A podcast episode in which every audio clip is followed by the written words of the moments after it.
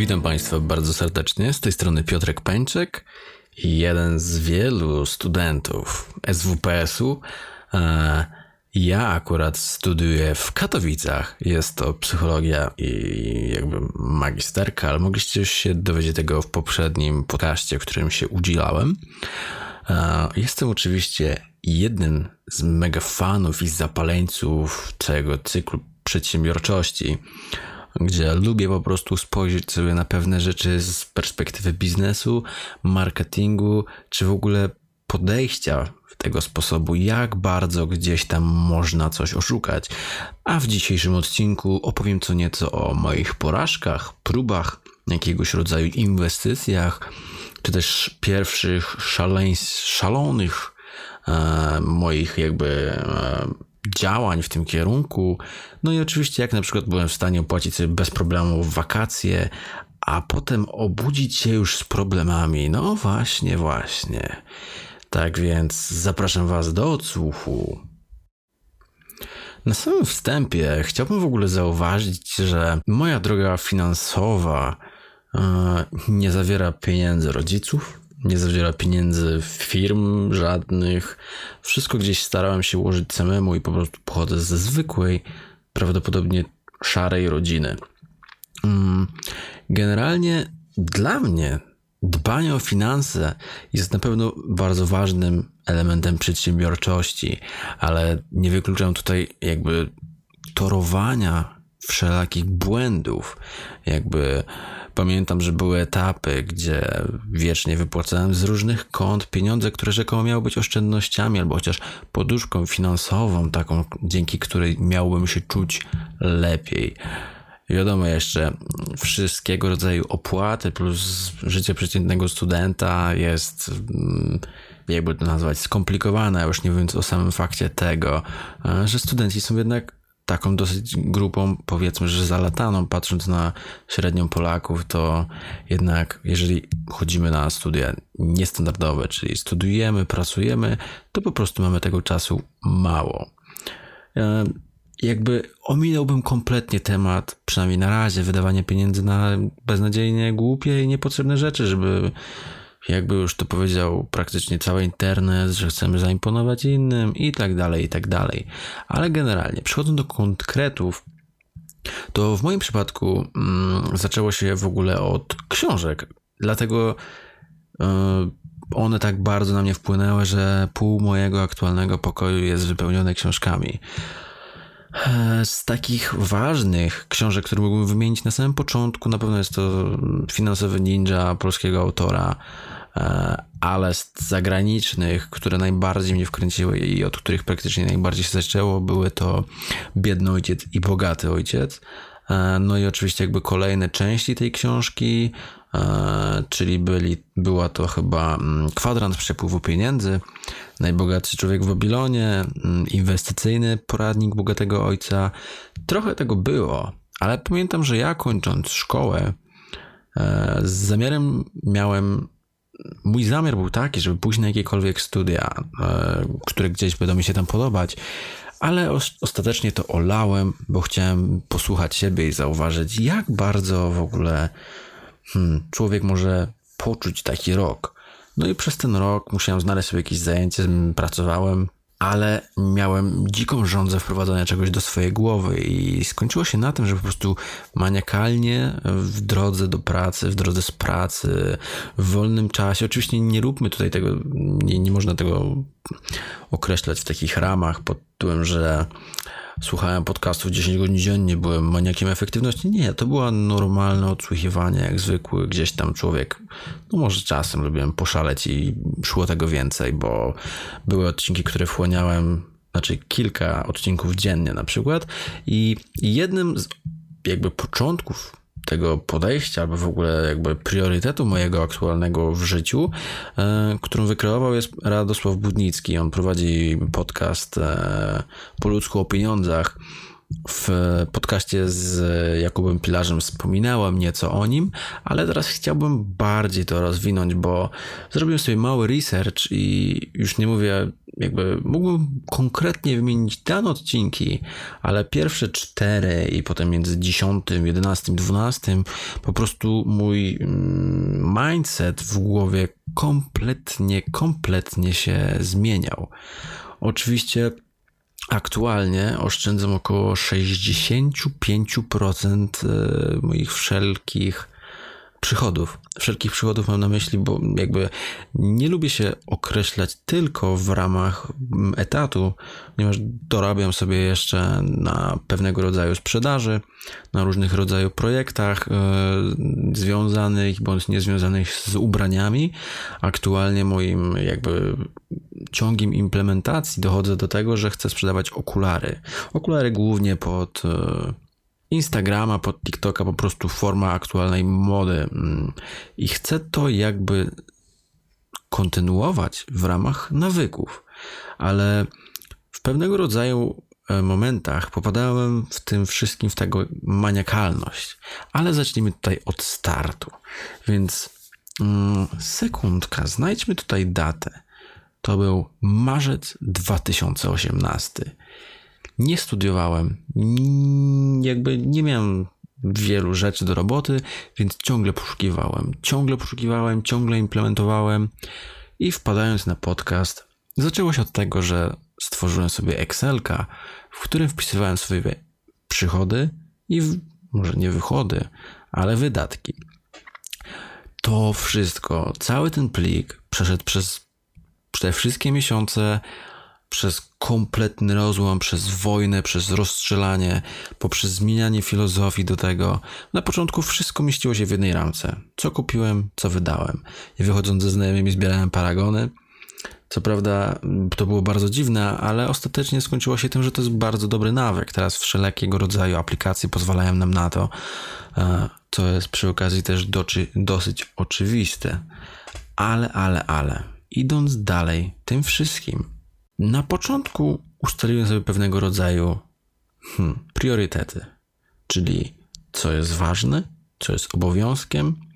Hmm, I wiadomo, że jako małolat i pierwsze pieniądze zarobione własnymi rękami mogły mnie poprowadzić w różne miejsca, ale starałem się gdzieś tam na różnego rodzaju kontach coraz bardziej to wprowadzać. Po przeczytaniu finansowym Ninja mm, zauważyłem to, że można wykorzystywać pieniądze nie tylko jako oszczędności, ale po prostu jako inwestycje, więc zacząłem e, inwestować w kryptowaluty, zacząłem inwestować, e, już nie mówię w siebie, bo jakby te wszystkie książki, mm, parę kursów też kupiłem, ale do tego e, to już jest poza tematem. Generalnie cały czas w głowie miałem na okrągło to, jak bardzo powinienem zmieniać to, jak ta forma powinna ewoluować. I któregoś razu mm, już zacząłem tworzyć osobne Excel danego miesiąca, które wyliczały mi na przykład procentowo e, pieniądze, które przelewam na euro, dolary, które dostawiam w, e, jakby to nazwać, w polskim złoty. I wpisywałem sobie dalej zakupy. Miałem dodatkową tabelkę zarobków, które zarobiłem tam na innych rzeczach. W którymś momencie już zauważałem, że fajnie, można coś kupić taniej, sprzedać drożej, ale tutaj trzeba zapłacić sobie, trzeba zapłacić sobie ten czas, nawet za pakowanie paczek, e, za, za na przykład marże i dorzucić te wszystkie, znaczy nie chodzi, że zapłacić za marżę, tylko ustanowić sobie jakąś marżę, która ma jakiś sens. Ale to wszystko miało pewnego rodzaju formę taką ograniczającą, że ja musiałem się zmieniać dla, dla Excela i dosyć ostro oceniałem siebie, więc jakby coraz bardziej miałem to w pamięci, coraz bardziej się to nawarstwiało, aż w którymś momencie po prostu e, stwierdziłem, że powinienem podchodzić do tego na większym luzie. Nauczyłem się zapamiętywać moje ostatnie zakupy, dbać o to bardziej, ale kiedy zacząłem już jeździć na studia, e, robiłem pewnego rodzaju sobie formy testów. Czyli jeżeli zauważałem, że zbliżeniowo wydaje za dużo pieniędzy, to starałem się na przykład ograniczyć to wszystko do gotówki. Tylko nie do końca podobało mi się to, że muszę jeździć wiecznie na przykład do, na uczelnię z odliczoną gotówką albo w ogóle być zamknięty w ramy, no ale jakiś sposób ja jako człowiek, jako zwierzę, musiałem się ograniczyć, żeby gdzieś ten mój mózg się za daleko nie zapędzał. To wszystko było dla mnie pewnego rodzaju taka forma testowania swoich własnych słabych stron. No i jak już powtarzam to po raz milion, ciągłego zauważania swoich błędów. I generalnie kolejne książki gdzieś tam jakby wprowadzały mnie do tego, że warto jest oszczędzać. Ja wyliczałem sobie, że jeżeli bym oszczędzał tysiąc złotych, tych tysiąc złotych, plus te wszystkie dolary i euro, wyliczałem sobie, kiedy mogę coś kupić. E, potem oczywiście dodawałem na przykład partie typu, kiedy pod koniec miesiąca zauważyłem, że brakuje mi pieniędzy, to po prostu zaraz po wypłacie zostawiałem sobie na przykład tam ileś set złotych powiedziałem, jak ja działam. Po prostu zauważałem to i wpadałem na coraz to innego rodzaju książki. W tym wypadku to była książka już o stoicyzmie, gdzie jakby to wszystko powinno mnie prowadzić do jakiegoś celu i coraz bardziej spokojnie podchodziłem do tego. Wiadomo, że kubka pieniędzy rosła, więc spokój człowieka też jest względny do jakiegoś momentu. I zauważyłem to, że poduszka finansowa, którą gdzieś tam muszę trzymać, mega, ale to mega jest uspokajająca i mógłbym tutaj rozłożyć się już na to, że przedsiębiorczo byłoby wykorzystać te pieniądze, ale w zależności od naszego rodzaju budżetu powinniśmy też rozdzielać to, czy te inwestycje, bo można inwestować bezpiecznie, ale można też inwestować agresywnie, co, co robiłem ja. E, już nie mówię, że wydając na różnego rodzaju przedmioty, kompletnie starałem się w jednej z niż e, atakować całego Elixa. Już mam cały, cały notatnik zapisany gotowcami, tylko do tego, żeby jak najszybciej efektywnie zarządzać swoim czasem, efektywnie zarządzać czasem sprzedającego, ale też odpowiednio na przykład zbijać cenę Mm. I pamiętam, że jakby w związku z całą przedsiębiorczością, e, na którejś przerwie na uczelni, e, stojąc sobie ze znajomymi, ktoś gdzieś tam z boczku powiedział, że dla niego SWPS to nie jest żadnego rodzaju problem finansowy, po czym zaczął mówić o jego siatce hoteli. Jakby w tym wypadku to wszystko wykreowało, wykreowało w mojej głowie takie spojrzenie na skalę. Jak bardzo skalowanie jest e, ważne w życiu, gdzieś pozwalając sobie na to, i jak bardzo powinniśmy postawić sobie pewnego rodzaju priorytety względem naszych długoterminowych celów. Jakby w tym momencie wzbudził się we mnie plan.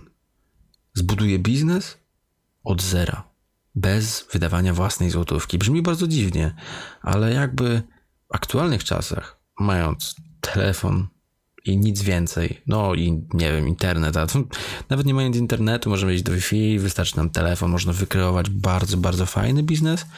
E, oczywiście nie zrobimy z tego drugiego Nike'a w przeciągu roku, chociaż może gdybyś miał super mega piękny plan, to wyglądałoby to bardzo ładnie, ale mój biznes polegał na tym, że wszystko polegało na preorderze, więc bardzo fajnie to działało. Co prawda z dnia na dzień zauważałem, jak bardzo mogę bawić się formą, czy to kontaktu z klientem, czy, czy właśnie jakimś tam dodatkowym, delikatnym zatrudnieniem, kiedy już nie chciało mi się na przykład pakować paczek, ale też zauważyłem wszystkiego rodzaju błędy, które mogą wpijać się w naszą firmę, w nasz wizerunek, w nasz PR.